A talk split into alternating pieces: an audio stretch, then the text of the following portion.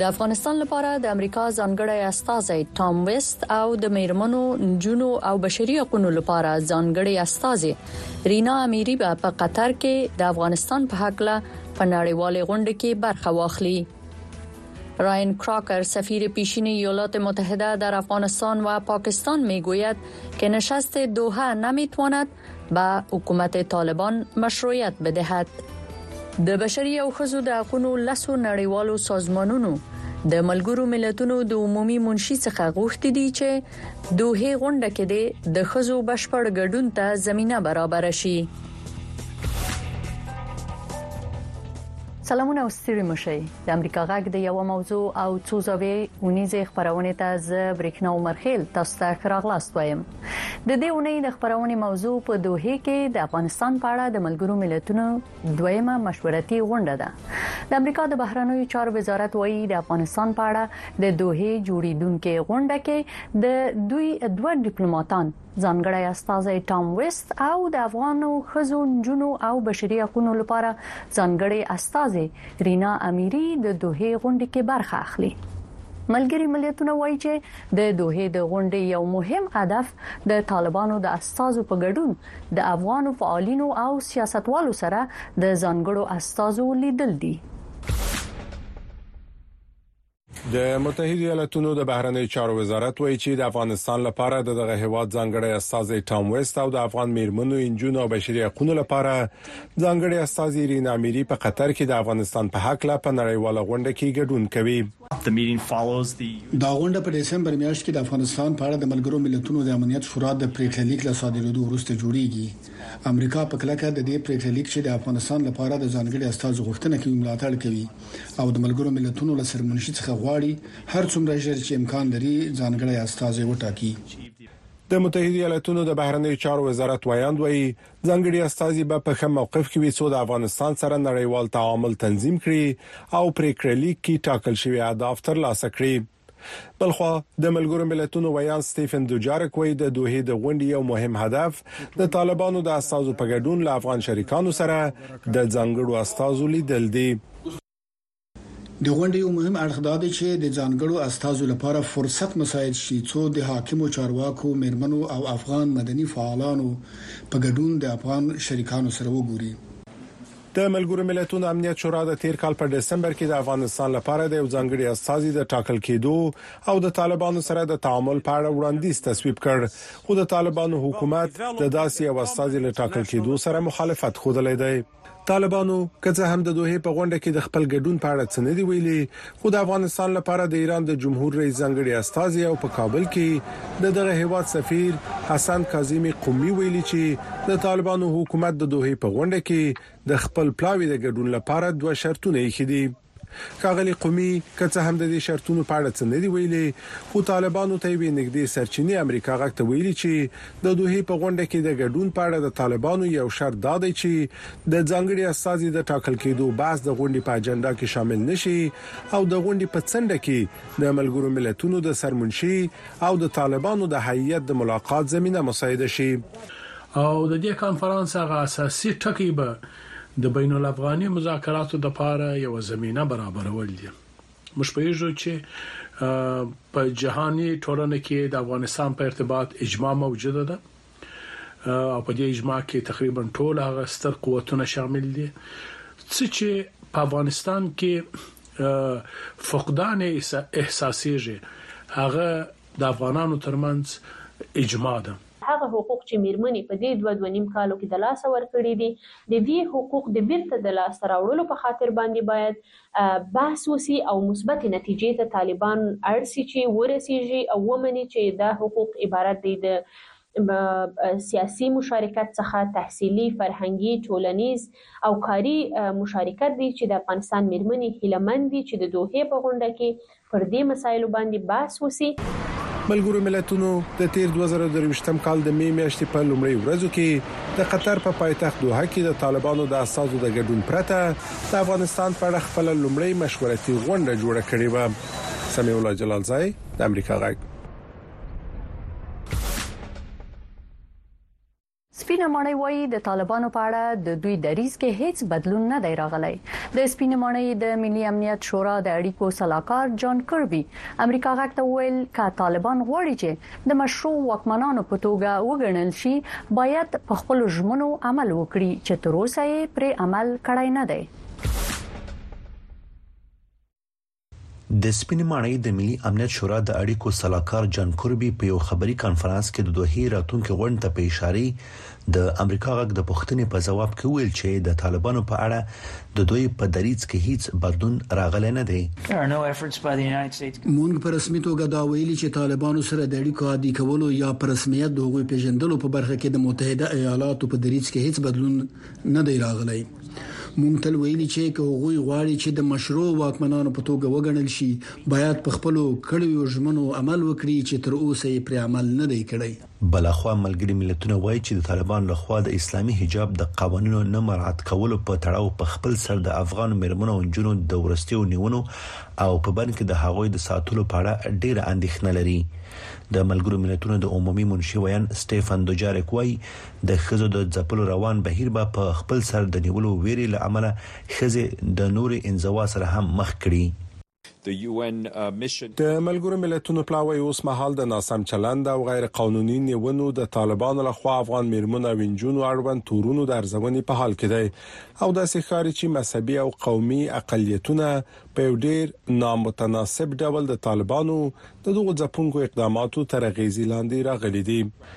د طالبانو حکومت د بد حجابۍ په تور د ښځو او نجونو د نیولو لړۍ د تیر دوه زره درویشتم کال په وروستیو ورځو کې پیل کړې ده، خو د طالبانو د حکومت د حجاب په تړاو د ښځو د نیونو راپورونه رد کړي. پر میرمنو محدودیتونه په داسې وخت کې زیات شوي چې ټاکل شوې ملګري ملتونه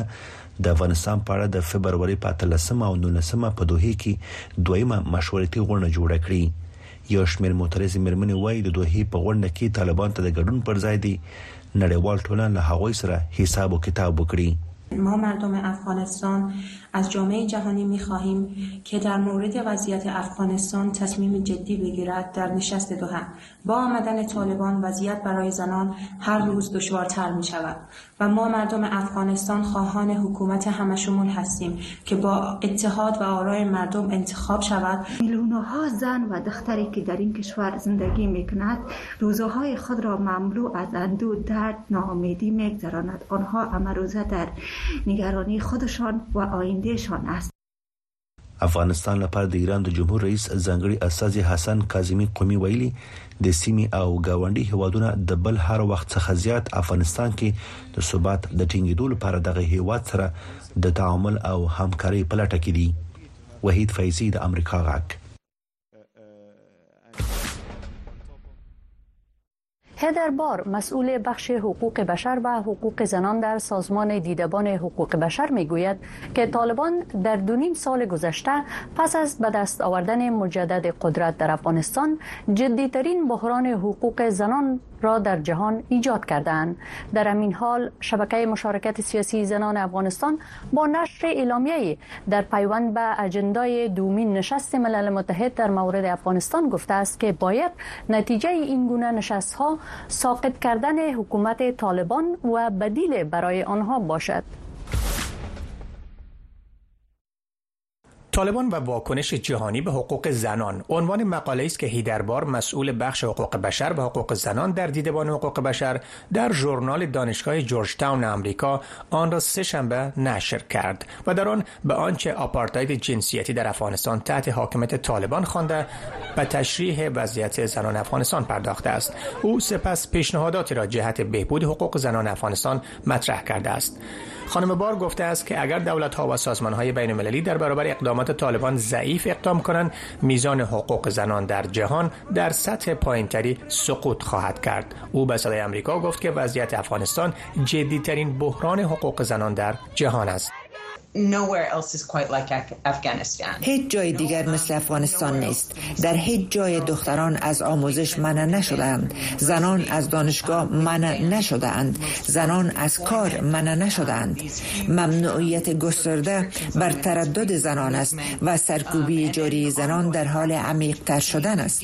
متاسفانه افغانستان به تنهایی در این وضعیت قرار دارد اما این به آن معنی نیست که این وضعیت تنها مش مشکل برای افغان ها است متاسفانه گروه های دیگر در سایر کشورهای جهان هستند که برخورد محرومیت جنسی را الگو قرار دادند و آن گروه ها حالا از این ظاهرا موفقیت طالبان خیلی الهام گرفتند خانم بار در مقالش نوشته است که جنگ اوکراین و گسترش جنگ در شرق میانه توجه به بحران افغانستان را کمرنگ ساخته است با این حال شبکه مشارکت سیاسی زنان افغانستان امروز با نشر اعلامیه‌ای در پیوند به اجندای دوم نشست ملل متحد در مورد افغانستان در دوحه گفته است که باید نتیجه این گونه نشست ها ساقط کردن حکومت طالبان و بدیلی برای آن باشد خواست ما زنان افغانستان از سازمان ملل متحد و جامعه جهانی و کشورها در موضوع افغانستان این است که نتیجه و هدف این اجلاس باید این باشد که نظام طالبانی از بین برداشته شود و یک نظام دموکراتیک و جمهوریت همشمول که با آرای مردم انتخاب شود در افغانستان پایگذاری گردد تا زنان و دختران بتوانند به آزادی و تصاوی کامل دست یابند. نشست با یک گروه تروریستی در واقع هویت بخشیدن بر این گروه است با تاسف فراوان که نهادهای حامی حقوق بشر و سازمانهایی که مدافع حقوق زن قلمداد میکنند خود خب آنها هم خواهان حضور در این نشست شدند ما از فیصله های مافیایی خسته شدیم ما از نظام ها سیاست ها و سیستم های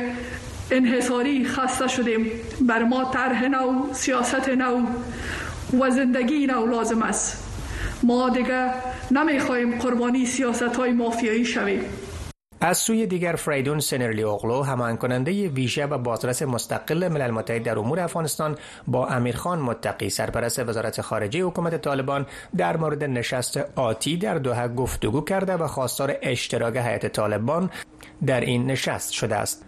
با این حال معاونت سیاسی ریاست الوزرای حکومت طالبان به نقل سنرلی اوغلو گفته است که نشست آینده دوحه فیصله های خوبی در خصوص افغانستان خواهد داشت که منجر به تغییرات مثبت در روابط افغانستان با جهان خواهد شد محمد احمدی صدای آمریکا واشنگتن طالبان وایي د نړیوالو لخوا د دوی پر یو شمیر چارواکو بندیزونه نړۍ سره د تعامل، مذاکراتو او سیاسي تفاهم مخه نیولې ده. خو یو شمیر میرمنې وایي له طالبانو سره تعامل د دې ډلې د واک د دوام په مانا دی او باید د مشرانو نومونه یې د ملګرو ملتونو په تور لیست کې پاتې شي. د طالباندو حکومت د ریاست الوزرا د سیاسي چارو مرستیال مولوي عبدالکبیر په داسې حال کې د تعامل او تفاهم په وړاندې د نړۍ د بندیزونو یادونه کوي چې اوس مهال د طالبانو د حکومت اته پنځوس چارواکو نومونه د ملګرو ملتونو د امنیت شورا د بندیزونو په لیست کې شامل دي مولوي عبدالکبیر د یوناما مشر ته ویلي چې د طالبانو حکومت د رسمیت پیژندنې لپاره ټول شرایط پوره کړي باید په رسمیت وپیژندل شي او په ملګرو ملتونو کې د افغانستان دایمي څوکۍ دغه حکومت ته وسپارل شي از سازمان ملل متحد و همه کسانی که در نشست دوحه شرکت می کنند می خواهم که هیچ گونه تعاملی با طالبان نداشته باشند و طالبان همچنان در لیست سیاه سازمان ملل متحد باقی بمانند و با طالبان هیچ گونه تعامل صورت نگیرد چون تعامل با طالبان تداوم قدرت طالبان در افغانستان خواهد بود.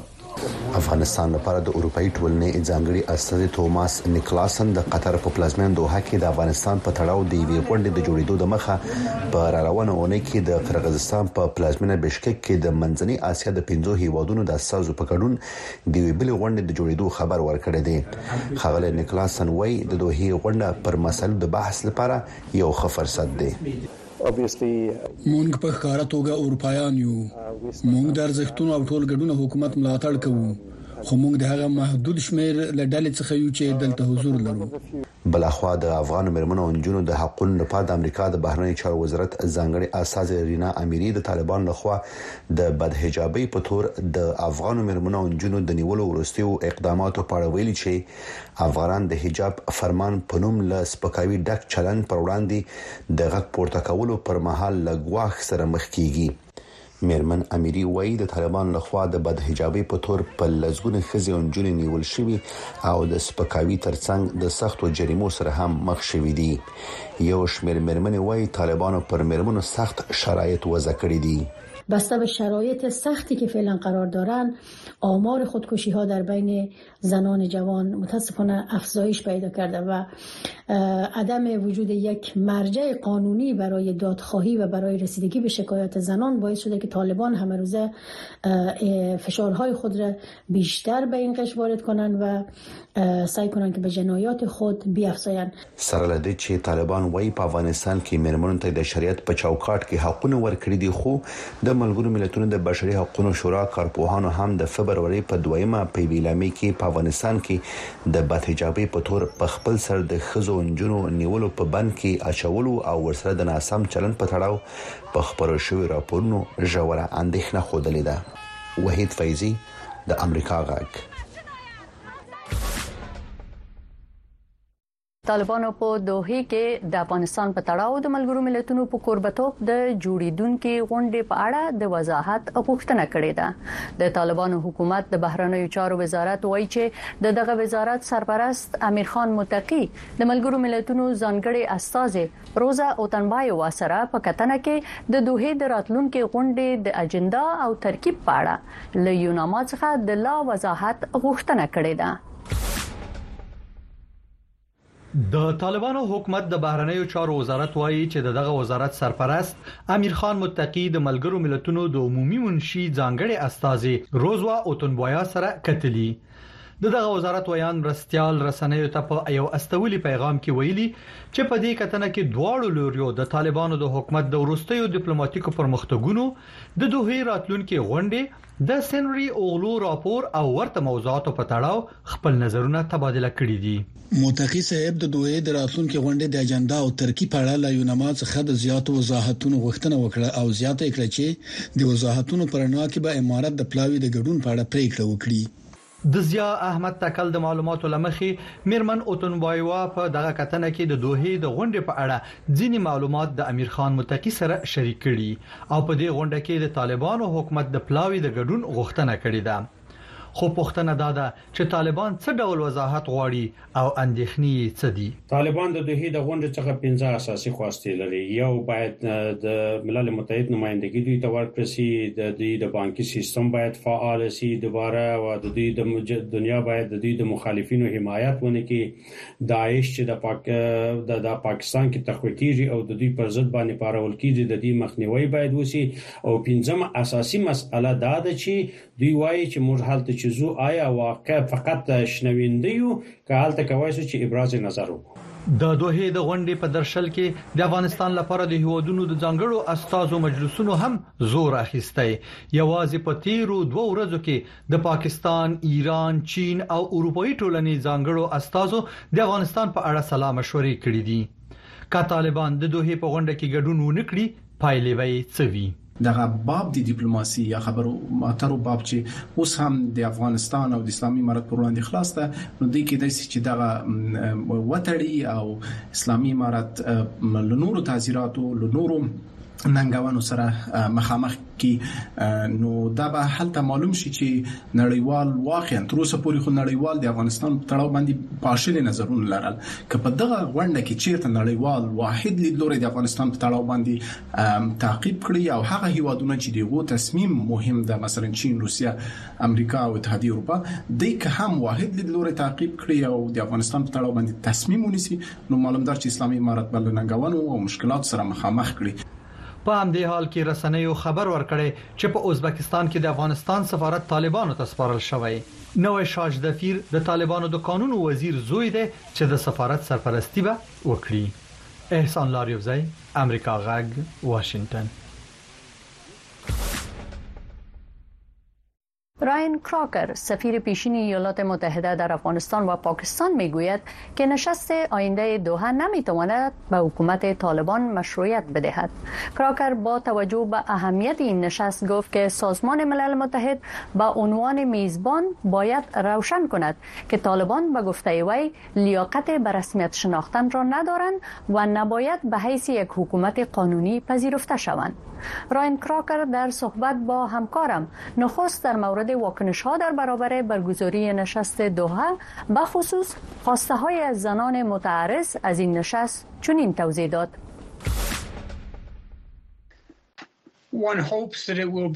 امید است که این کنفرانس برای جامعه جهانی فرصتی را به تا به نیازهای افغانستان رسیدگی شود در صورت که طالبان بخواهند جزء جامعه جهانی شوند راهی طولانی در پیش دارند تا شرایط برای او آماده بسازند و رفتار خود با زنان و دختران درست بسازند طالبان سابق بار دیگر به عرصه قدرت رسیدند و افرادی را که با رژیم قبلی با قوای ما یا سفارت کار میکردند به عنوان مجرمین میکشند این فقط شروع ملل متحد هم گزارش داد که همکاری بین طالبان و القاعده ادامه داره آنچه این کنفرانس کرده نمیتانه است که برای طالبان با طرز حکومتداری ناقصشان مشروعیت بده طالبان برای مردم افغانستان و صلح و ثبات بین المللی یک تهدید هستند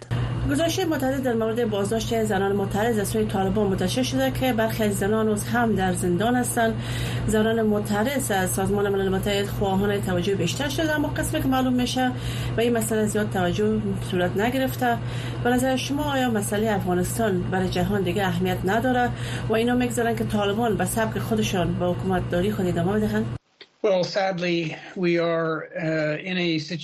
متاسفانه حکومت بایدن در قسمت خروج قوای امریکایی از افغانستان اشتباهی بزرگی کرده به ایمنی که افغانستان به طالبان واگذار کرد در حال حاضر حکومت بایدن افغانستان فراموش کرده که حتی این کشور وجود داره ما در اقلیت هستیم حتی هیچ یک از مقام های ارشد بایدن نمیخواهد در مورد افغانستان صحبت کنه حتی در مورد اعتراضات زنان افغان برای اعاده حقوقشان که تا یک ما تمام مسئول بودیم و مردم زنان و دست طالبان گذاشتیم متاسفانه حکومت نمیخواهد در مورد افغانستان آگاه شود و صحبت کنه ایالات متحده تلاش میکنه که از مسئله افغانستان با همه تراژدی او چشم پوشی کند. در تلویزیون از آنچه در افغانستان میگذرند نشرات پخش نمیکنند مردم افغان با زنان باهای سنگین را میپردازند شما فضای منطقه و جهان برای شناختن طالبان چطور ارزیابی میکنند چین سفیر طالبان را پذیرفته اما این مسئله چقدر ممکن طالبا را به مشروعیت رسانیدن کمک کنه در صورت که چین و سایر کشورها هنوز طالبا را به رسمیت نمیشناسند با گذشت زمان وضعیت uh, ناگوار از هر نظر عادی شود و پس از مدت حتی طالبان برای رسیدن به مشروعیت اقدام نخواد کردن و uh, این مقاومت در برابر اونا از بین میره ما دیدیم که چین سفیر طالبان پذیرفت به نظرم در حال حاضر کنفرانس از این نظر همیت داره که سازمان ملل متحد با عنوان میزبان uh, باید روشن بسازه که طالبان لیاقت به رسمیت شناخته شدن را ندارند و نباید حکومتشان قانونی پنداشته شود به خاطر که با طرز رفتاری که دارند رژیم اونا غیر قانونی است و این کنفرانس به نظرم یک موقف بسیار روشن اتخاذ کنه اما هدف او تامین امنیت داخلی افغانستان اعاده حقوق مردم افغان با خصوص زنان افغان است طالبان برای مشروعیت پیدا کردن تعهد کرده بودند که بر ثبات و امنیت منطقه روابط با القاعده را قطع می کنند ما ایمان از زواهدی را که مهمان طالبان بود پیدا کردیم و کشتیم اما گزارش های اخیر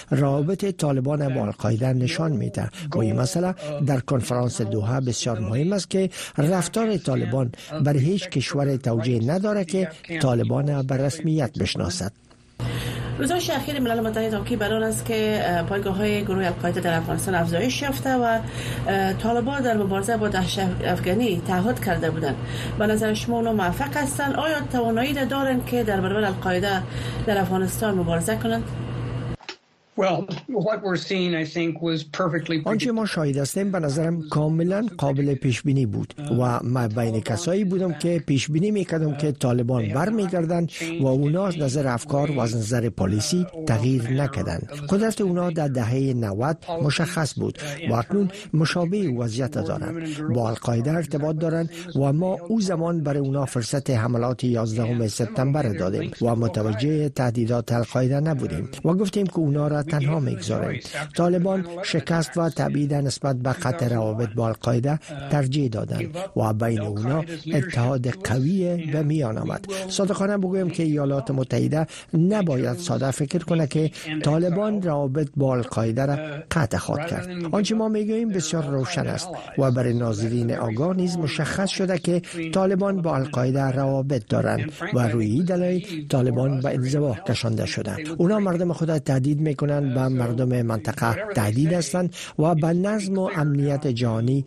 تهدید شمرده میشن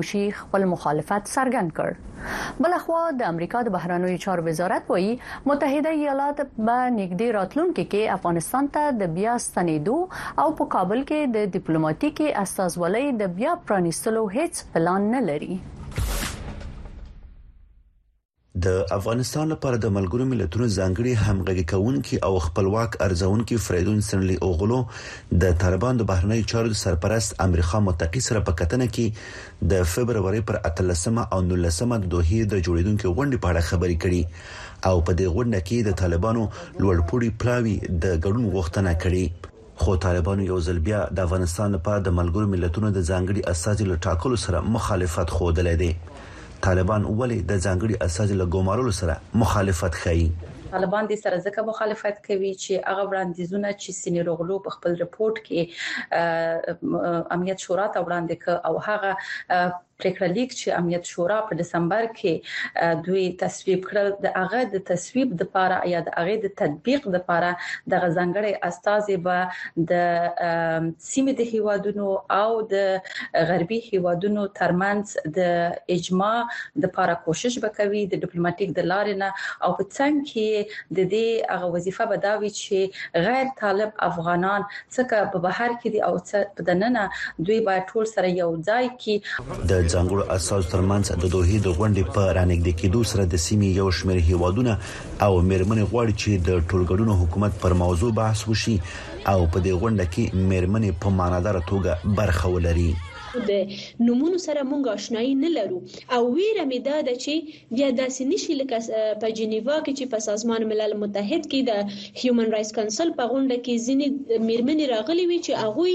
طالبانیزم څخه دفاع کوله او د طالبانو لپاره یې لابي کوله نو د افغانستان د میرمنو په حق لکه خبرې کیږي دا زما لپاره امپورټنت پوینټ یا هغه مهمه نقطه ده خو داسې میرمنې چې هغوی باید د افغانستان د میرمنو د تایید وړ ووسی او واقعي مسایل د ښځو اړوند چې هغه د عدم سیاسي مشارکت ده د میرمنو د تحصیل حق دی د کار حق ده د فرهنګي مشارکت حق دی د میرمنو د بیان د ازادي او د افغانستان د ټولو وګړو د بیان ازادي ده. په ورته وخت کې د امریکا د بهرنیو چارو وزارت وايي، متحد ایالات په لنډ راتلونکي کې افغانستان ته د بیا ستنېدو او په کابل کې د خپلې ډیپلوماتیک استازولۍ د بیا پرانیستلو لپاره هیڅ کومه برنامه نه لري. زموږ د بهرنیو چارو د وزارت دریځ دا دی چې په نږدې راتلونکي کې په کابل کې د کوم ډیپلوماټیک فعالیت د ستنیدو لپاره کوم پلان نه لرو. موږ د طالبانو د غړو په ګډون په افغانستان کې دننه او بهر له ډیرو افغانانو سره په اړیکه کې یو، خو بشري حقونه او ښوونځیو ته د نجونو او میرمنو بیرته ستنیدل د تعامل لپاره زموږ شرطونه دي. د ملګرو ملتونو په ګډون نړیوال ټولنې د طالبانو اوسنی حکومت د بشري حقونو تر پښو لاندې کولو په ځانګړي ډول د افغان نجونو او ښځو سره په تبعیضي چلند تورن کړی دی ډېری شنونکي په دې باور دي چې د کړنو له نړیوال ټولنې سره طالبان د حکومت د تعامل پر وړاندې خندونه جوړ کړي دي وحید فیضی د امریکا غږ قدرمنو لیدونکو ستاسو د ملتیا نه ډیره زیاته مننه دا خبرونه هم همدلته پای ته رسیدي تاسو دا او زموږ نور خبرونه په ساتلایت او د امریکا غټ په ټولنیزو رسنیو کې هم لیدلای شئ شپه او ورځ مو په خیر تر بیا مو څښتن مل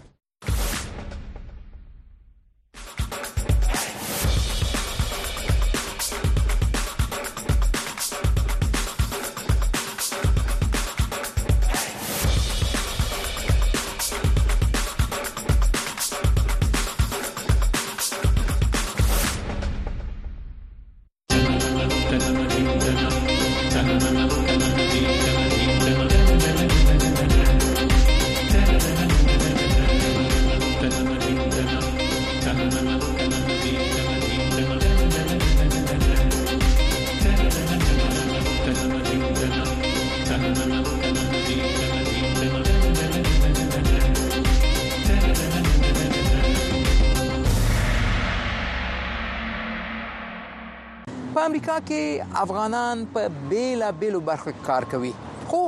زینو ځانته واړه خدماتي شرکتونه جوړ کړی دي او له خپل کار او عاید نه خوشاله او راضي دي نن په همدې موضوع غږیږم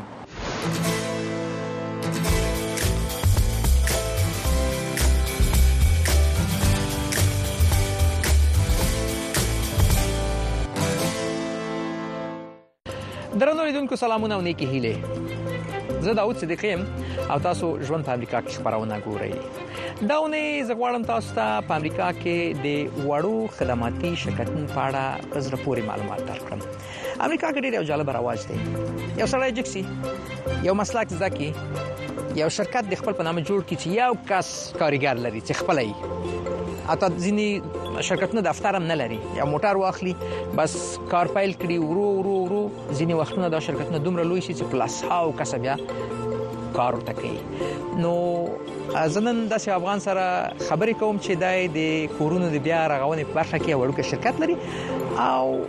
په دې برخه کار کوي او د خپل کار نه خوشاله او راضي دي راځي وګورو چې یو وړوکی خدماتي شرکت په امریکا کې څنګه کار کوي او کوم کارونه کوي نو زه دلته راغلی یم یو چیرته واده مې خېده چې زپته مې زمنګ د ملما چې راسي او د سره به یو ځای لاړ شو د کار او د د مسلک په اړه به لا زیات معلومات پیدا کړو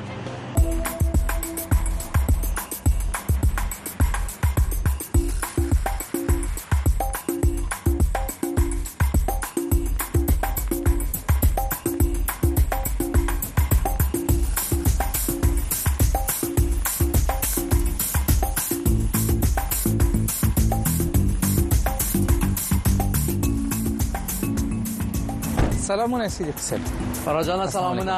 جوړ تازه بخیر سال اول ده خیرتی ده ځان جوړ ده راغلی ان شاء الله سلامت اوسې په خیر اوسې کور دی ودان زدن راغلم چې تا د کار په اړه او همدارنګه تا د شرکت په اړه یو څه معلومات ترلاسه کو نو الله دې هر کله راولا سلامت چیرته مو بیا څه کوي فعلا خو دغلته دوه ځای دي کار الته روان ده نو خوخه دې سي تا کوم ځای خوخي دوړو ته ورسو بس سم ده او مخکې لنه چې دوړو ته ورسو ما لیدونکو ته ویل مالزینی وړه شرکتونه په امریکا کې داسې دي چې اته دفتر نه لري ته شرکت کې دفتر لري د مانو تقریبا زیاتره په همدا موټر کې ده او وسایل په موټر کې دي همدا موټر د دفتر هم دی هر شی ده تر اوسه دا موټر دی وګورو چې دا په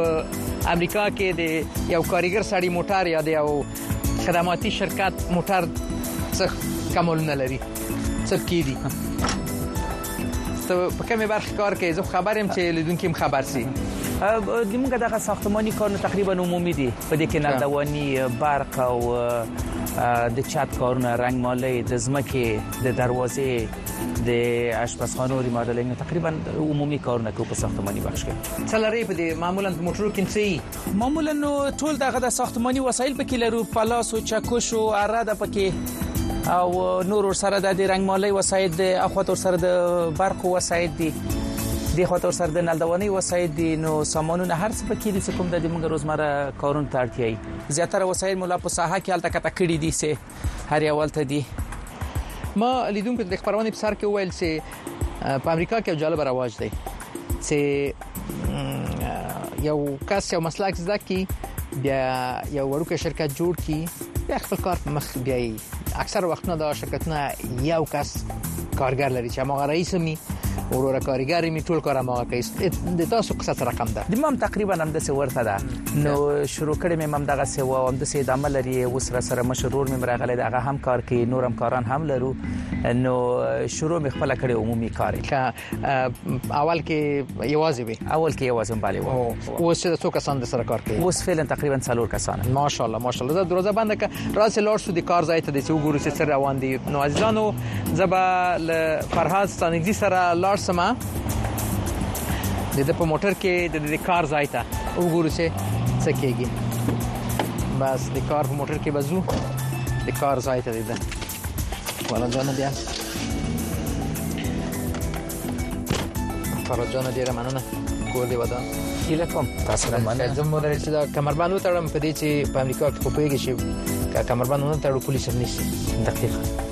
دقیقا دا خو حقیقت د قانوني بڼه لري نو زو بل خیره زو خیره معمولا کوم کارونه ډیر کوي زه د برق کارم کوم نل دواني کار هم کوم او ورسره د دروازو د کړکیو لګول کار هم ورسره کوم نو د څه محدودیت مې د کار نشته د څه یو کار کوم یا بل نه کوم نو یوازې نه شي چې زه په یسی باندې ډیر خپل بلدیت نه لرم د یسی کار نه کوم په خپل نو نور کارو باندې بلدیت لرم او د ساختماني کارونه اکثره زه باندې خپل کوم څو کال کېږي چې امریکا ته راغلی تقریبا د سیو دولس دیار لس کال کېږي ماشاءالله نو څو کال کېږي چې په دې برخه کې مشخصه کار کوي د زکولو لا اول ورځ نه پام دغه رشته کې مصروف یم او لکم ورځ نه سي امریکا ته راغله من علماء ورځ نه تر دننه پورې پام دې ساختماني بخش کې کار کوم ولې د وخت چې د ساختماني په برخه کې کار وکړي زه چې په وطن کې مو مالته هم په خصوصي سکتور کې مې د ساختماني په بخش کې ډیر کار کړی وو او لکه مې ورځ نه سي امریکا ته دلته راغلم نو بعد له دې چې مطلب ډیر رښتیا ډیر کارونه مې وکړل نو ما په دې ټولو کې د ساختماني بخش خوښ شو څنګه د ساختماني کار په امریکا کې اسانه دی سخت دی خدای خنه دی دی ما خو خپل شخصا ډیر خوخیږي او خه رشتہ هم ده خه کار هم ده نو لګ ستونزه پکې شته ده چې زده کول او رسیدګي ورته پکار ده اما نو رخه ده ما خپل ډیر شخصا خوخیږي ساختمانی کار په افغانستان امریکا کې څوره سره توپیر لري صدیقی صاحب که وایم تقریبا د ځمکه او اسمان سره توپیر لري نو د دې زی د قوانین او مقررات د یو جمپه د توپیر ده او بل د توپیر محدودیت د دې سه د دې چې د کارونه ډیر سره جلا دي دلته مطلب زیاتره لرګي استفاده کیږي په کورونو کې په افغانستان کې کانکریټ استفاده شوی دی یا استفاده کیږي او دویم دا د سیدل ته د کورن ډیر د دې د اساسات ډیر فرق لري که کوم وخت مطلب پر کورن کې ته غواړې نل د ونه یا د برق کار یا اضافه والی پکې راولې نو ډیر په اسانۍ سره کیږي اما په وطن کې کته غواړې په هغه کانکریټي دیوالونو کې یو چیرته یو سیم خراب سی هغه بدلوي یا نوې سیم تیروي نو هغه ډیر ستونزمند وي ساختمانی کار په افغانستان کې اسانه دی که په امریکا کې ما ته ښکاری په امریکا کې به اسانه ځکه خوارې در دلته وسایل ډیر موجود دي او کولای شي په ډیر اسانۍ سره دغه رشته هم زده کی او هم پکې کار وکړي او هم هغه کار د تر سره کوي ځکه مهمه پکې وسایل دي په افغانستان کې څه سختی لري ته په افغانستان کار کړې ما خو عملاً په ساختماني بخش کې کار نه ده کړی ما په ساختماني شرکتونو کې مې کار کړی ده سه حالت د ساختماني شرکتونو کې د اداري او منیجمنت په بخش کې ما کار کوه اما البته مهمه ده د وسایلو ده په امریکا کې د سہولتونو ډیر ستدي وسایل لري هر رشته د ساختماني بخش وګوري وسایل لري نو ته کولای شې لاغه وسایل نه ډیره ښه ګټه واخلي او کار د په ډیر اسانۍ سره تر سره کړي په امریکا کې د کورونو د بیا جوړولو رنګولو تغیرات کې راوستلو دا خبره ډیره لویه ده کنه ډیر خلک کار پدې کوي په افغانستان کې موږ دا رواج او څه کم لرو نه وایم خلک کورونه رنګي چې لک تخریب سي لسره جوړي مثلا یو دیوال کوم زره تخریب شوی یا کوم دروازه بدله کی دا کار کیږي خو دلته دا رواج ډیر دی مثلا ځینې کورونه مکمله د منځ نقشې خلک ورته بدلوي یا د اشپزخانه وسایل ورته بدلوي یا تشنابونه سره جوړوي دا کار ډیر جالب دی چې په امریکا کې ډیر غټ کاروبار دی ډیر خلک دا کار کوي دا خل 10 کال 15 کال بعد څنګه زما معلومات لرم شل کال بعد یو کس خپل په کور کې اتمنه یو بدلون راولي یا کوشش کوي چې لږ نوې کی نوې وسایل کې ولګي کنه دا رواج ستنوندې لپاره زه فکر کوم چې دا ډېر یو ښه مسلک دی او ښه کار به پرې ډېری طبعا صدیقي صاحب دلته په امریکا کې تقریبا د یو معمول د سه د کورونو مالکین هر کال تقریبا په اوسط ډول باندې کوي کور کې اړتیا نه وي هم 2000 روپۍ به مصرفي کاغه چې د کور رنگ تغییر بدلولي یا د تشنابونو جوړولي یا د آشپزخانه تغییرول وي نو په یا د ځمکې لرګي بدلی نو دلته معمول د خلک مطلب کورونو باندې مصارف کوي او هغه هر کال تقریبا د سوړ شرکتونه معمولا دفتر نه لري تاسو وایي چې زم دفتر نه لرم نو چې دفتر نه لري بیا د مشتری څنګه تاسو پیدا کوي ښه پوښتنه ده چې دلته په امریکا کې زیاتره دغه معلومات آنلاین یا په انټرنیټي صفحو باندې پراته وي اوس مطلب کړه د چا نلدوان په کار وي نو د خپل کور چې په کوم ځای کې موقعیت لري یا کوم ځای ته دغه د نلدواني خدمات په کاري انټرنیټ کې ګوري چې د ما په شاوخوا کې کوم نلدونی کمپنۍ په کار ده او یا د برقی ته ضرورت وي او یا هم رنگمالي کس ته ضرورت وي نو هغه څه واچي هغه معلومات په انټرنیټ کې ودی کې نو اتومات ورته معلومات ترلاسه کی نو د موږ هم هم دغه څه که د موږ خو زیاتره د سیدی سی بلدی دوستان دي یا مخکینی مشتریان دي هغه تم کار کړی دی او یا بلد دي سره یا نور دوستان ورته معرفي کړي یا که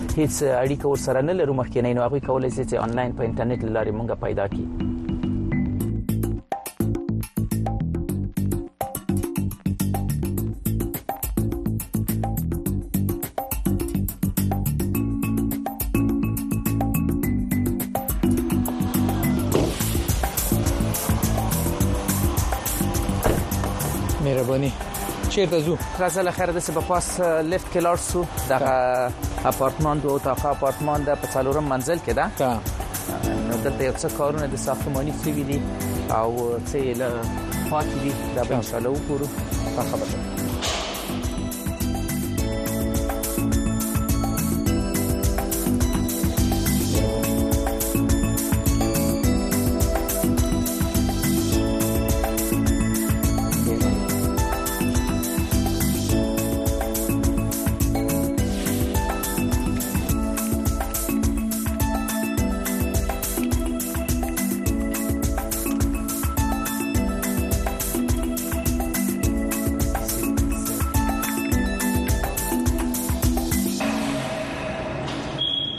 کار ځای دی د اپارتمان دی چې د کې څه کوي تاسو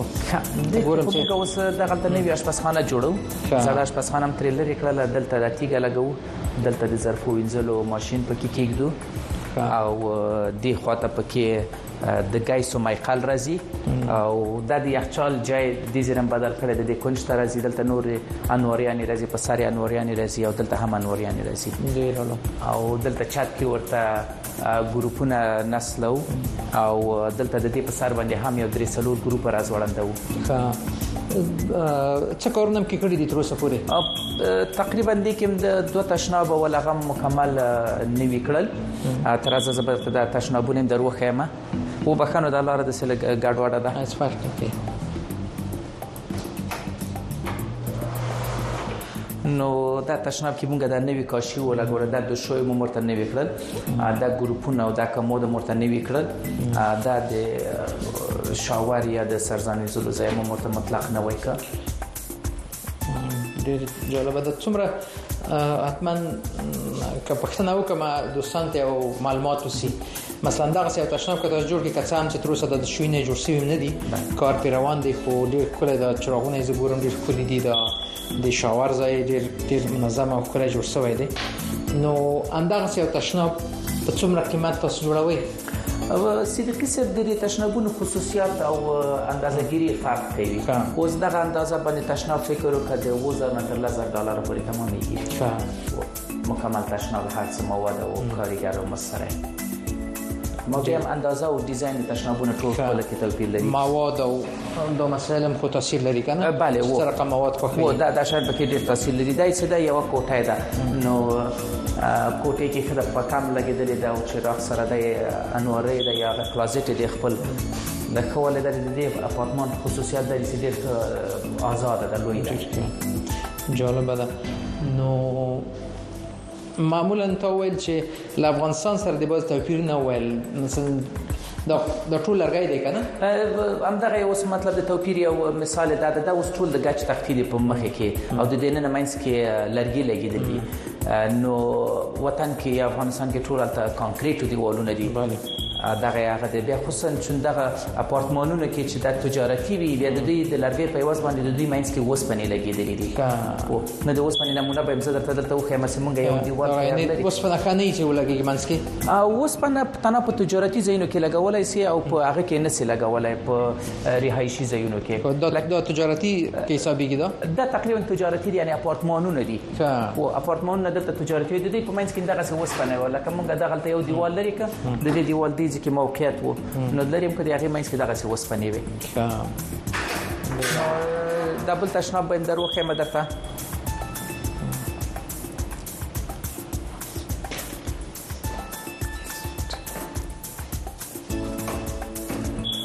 جالبه د دې هم هغه سه د شوي ده او ګروپونه تیر لګیدلې دي د تبورته نوې شیشه لګو او تیګه لګو ورته او د دیوالړې شاور ده چاله بده کارونه په جریان کې دي نو تقریبا یو هفته یو نیمه کې به ان شاء الله دا کارونه مکمل خلاص شي ډیر اعلی ډیر اعلی راځي نو په دې اپارتمان کې کار عمومي د ټول اپارتمان رنگمالي وسوله د دزمکې لرګي ټول بدل سو او طبعا آشپزخانه وسره ټول نوي کیږي نوي نوې یخچال او د ظرفو انځلو ماشين او مایکل د هر څو سره نوي لګو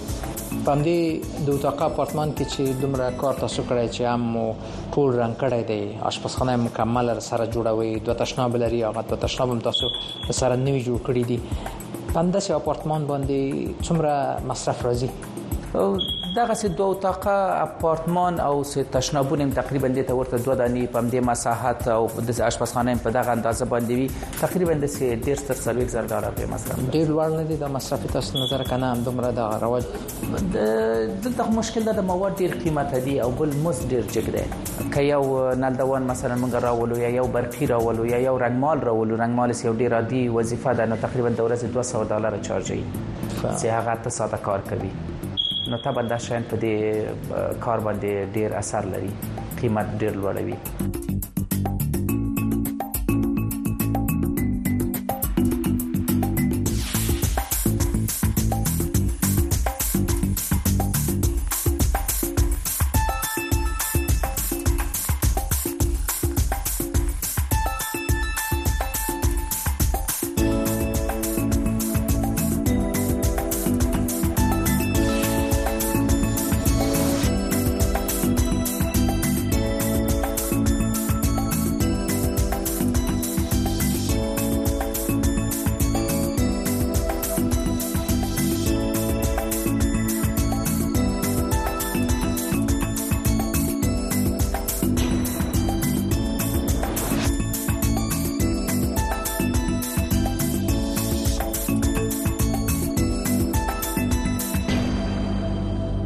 همدا کور دی د کې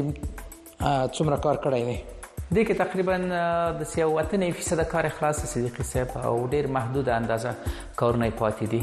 ډیر مېده کاریانی پاتې دي نو امید ان شاء الله غو په دې هفته کې خلاص د کوم څه کړی دی په دې کور کې د کې نو یو خوند ګروپونو سیستم ټول پکې نه وی لګولې ده بل دلته دا د سیدا د اشپزخانه دلته یو دخولي دروازه و دلته هم دیوال د دیوال مملري کدي خو نه هم دیوال وو دا مملري کده د ډوړو ټوړلو ځای جدا و دلته هم دیوالونو دا جام مطلق خلاص سیستم ک او دا هغه سیستم چې په امریکا کې د خلک ډیر خوخی دغه د اوپن سیستم یا دغه خلاص دغه د اشپزخانه او د ډوډۍ خوړلو ځای او د ډوډۍ د کیناستلو ځای د یو بل سره خلاص یو بل د ښکارا سي دا ډیر هغه د خلکو ډیر خوخي دا کور په خو داسې نه وو نه دا په خو په دې ډیزاین کې نه وو دغه د آیلند یا دغه میس یو ته دا مطلق نه وای کې خو د ټول اشپزخانه مخکینه سی و هغه تر لری کړه او اشپزخانه ټول نه وی لګولې د په شمول د یخچالو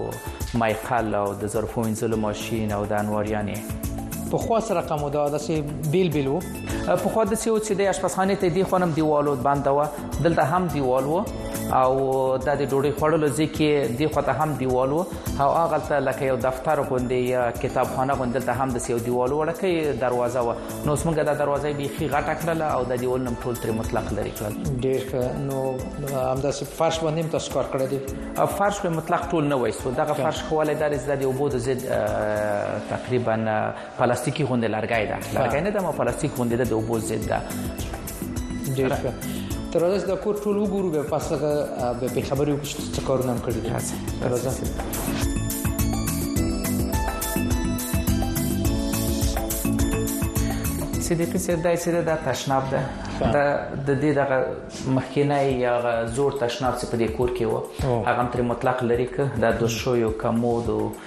د شاور جین هم دام ټول نوي کړل نوي ګروپونه او شیشه هم هر څور ته ولګول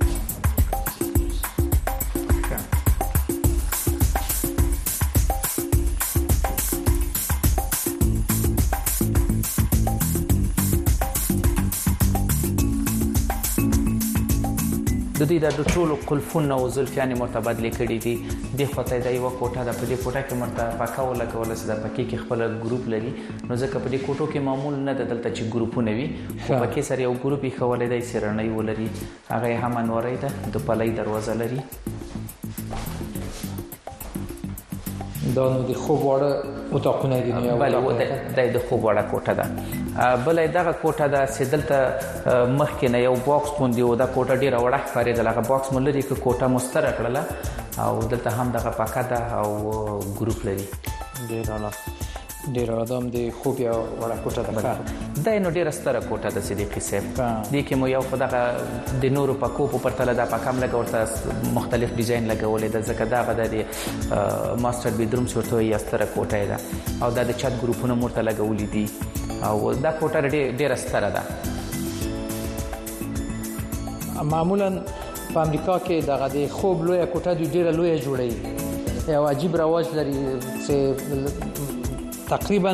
د میمنخانه قدر ځای لري دقیقاً او دا ډیر لوی ډیر لوی کوټه دا خبر دا حقیقت خبر دا کوټه نو ډیره ستره ده نسبت له نورو کورونو یا نورو ځینې کې موږ کار کړی دا ډیره ستره ده د دې هم دې کوټې پورې تشناب ده چې دوی مال د کور لوی تشناب مرته وایي کنه بالکل بالکل نو دلته دا نوې د شوی ورته ولګو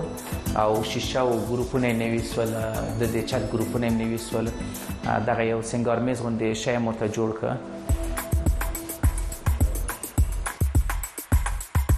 رنگ روغنې طبعا د ټول کور نه وای سوی د دې ته سټانډینګ شاور یا د ولاړی شاور ده څه په دې کې لاله کارونه پاتې دي جالب ده عجیب رواج د لوی تشنابونو او د لوی د خوب لوی کوټو یعنی نظر په دې چې د کور ګور د کور دومره لوی نه دی نه خو دا تشناب د د اتاق ډیر لوی دی دقیقا او ورته دغه انوري ور سره لري یا کلازیت د دې کوټې کو ګورو چې د بندغه د کلازیت تقریبا یو کوټې ته ورته ده لستروالي وجه او کله کلازیت هم لري نه دی او جامو دی خود ایخودلو ځای ته کړل که دلته مرته د کالشوي ماشين ایخي دي نو کولای شي کدل ته د خپل کالیو راوخلي دلته کې د کالشوي ماشين لپاره دا جالبه ده چې دلته مې دروازه تاسو ته جوړ کړې ده جالبه ډېر اوس براسو دي ته چې تاسو نو تقریبا د کور په ټولو برخو کار کوئ یعنی یو کور لسره نه جوړوي نور نو هر برخه سده کوي دقیقاً د کور څه کارونه چې د دننه دي او اکثریت یې د باندې دي بغیر له دغه ساختمان نه چې دا ولاړ ده دنه بغیر نور موږ ټول یعنی دغه اصلي بنیادی چې څه د پیساب دغه دوی ورته سټرکچر څه بله سټرکچر یا د تداوی تاسو کار سره نه لري نور غیر لکه نور ټولو برخو کې کار نور ټولو برخو کې کار کوو دقیقاً نو دې کور کې ډیر کار کړی دی دا دا ډیر کار سوی دی اوس به کته تا کوي تم لار سو هغه ته به مو ګورو بعضې د څه شیان دي چې پکې موږ بيخي نه وی کړل هسه د تسبدا تاکوي ده کا د پتا کوي کې د کې ناسو جای د دلته مرتده ګروپونه مرا بدل کړل او انده باکس هم د جای سی ویني د اول نه هیڅ دلته نه وو دا مونږ نه وای پکې جوړ ک او دا د اور لپاره هم ځای لري چې د غاز دی کنه رښتینی دی د لرګیو دی نه دا د لرګیو ده په امریکا کې لډیر په خوانه په کورونو کې د اور لګولو لپاره یو جالب ځای دی همیشه په کورونو کې لري او دا دی او د فرهنګ یو برخه ده حتی که د لرګي نه وي له غاز نه جوړي خدا کور یو څه پخوانی کور دی دلته تاسو کولای شئ چې لرګي راوړئ ژمي کې وسوځي او کور سره ګرم کړئ که څه هم چې اوس خلک دومره کار ته نه اخلي د شیانونه خو دا کورې لري خو د ډیزاین او د اړتیا لپاره د په کورونو کې دا ساتلې وي بله صدیق صاحب دغه ځای چې ویني دغه باکس مطلق مونږ نه وای جوړ کړی دی اصلي دغه دروازه اول نه دلته و نو مونږ د ټول چوکاټ شاته ویور او دلته مرته یو مکمل تشناب جوړ کړ چې په دې تشناب کې د شوی هم ستده او شیشه او ګروپ خپل لري دی خو تور ته د شاور اخیستلو ځای هم ده بله دا سم د تاکوي بهترین میمانخانه ترې جوړه شوې ده اوس دقیقا اما غس تقریبا جوړ کړی ده کله ځای لري ولا نو دا کورونه چې په تاکوي کې د ناست لپاره ډېر خزای ولري لکه دا کور چې لري او دا کلکیم چې دا مثلا ولري چې دا کور لري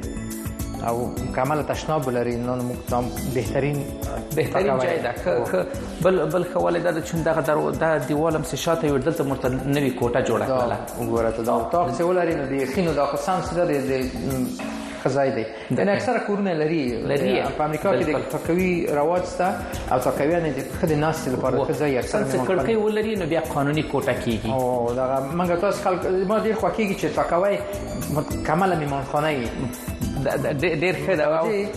بالکل آمد که میلمه راسي آزاد او کینی خصوصا د نارینه او لپاره د ناست خزایي نو دغه ځای سید صدیقی صاحب د پخوا سیستم په اساس باندې دلته د کالاشوی ماشینو چون این دغه ټوله منطقه د منطقه د لک تقریبا د مصرانو ده سند سال زیات نه هغه دلته ځون زندگی کوي نو به دې زرم د واشر ډرایر یا د کالاشوی ماشین څورته یې هم پاس یونټ کې ورته لګولې د سلک پاسانه لاس رسې ولري د دې وبو هغه د بایلر ده واټر هیټر چې ورته یو دی ورسره د ای سی یونټ د سی هم هوا یخ تولید هم ګرمه تولیدوي فراجان ما د کور وکته د کوم ډیر کار کړی دی نو په داسې یو کور چې تاسو دومره خوري کوي څومره پیسې مصرف راځي تقریبا کدام دغه کور مثال واخلو نو او یا 10000 ډالر په دې مصرف شوی دی مده بیا هم د پرې اړه لري چې سره خنته وسایل پکې استفاده کوي کوم رقم د انوارې مواد استفاده کوي د زمکي مواد سره رقم تدي او څه رقم ګروپونه لکه دا څنګه چې موږ د ډیزاین دار استفاده کوي دا ټول په دې قیمت او د دې شان پورې اړه لري اما او سات ډول باندې او یا 10000 ډالر په مصرف راځي په دغه کور باندې ها اوس پروس دې ته چې کله چې دومره مصرف دې کور کې دې کور په قیمت بدلون راځي طبعا طبعا مثلا کاوله کې فکر وکړئ چې قیمت کده دې کور یو لکه نو او یا 10000 ته په مصرف کړی یو لکه اتیا خپل ته شو او نور په قیمت نور هم جګیږي ځکه د خلکو دغه څه خواهشات دي چې د ډیزاین دار کور خوښوي ښه همدغه سیو کور څومره قیمت لري هم د اوس امریکا کې او فعلا د 15 نه تر 16 لک ډالر پورې به دغه سیو کور ارزښت لري څنګه یو کس کولای شي چې همداسې دا کار ځکه همداسې یو کمپنی ځان ته جوړه کړي اول خو زما د خپل ټولو نوی افغانانو نه بلکې سیده کوم مخکینی دلته هم دي دوی نه هیله ده چې مطلب د یو رشته زده کی او مسلکی کار وکړي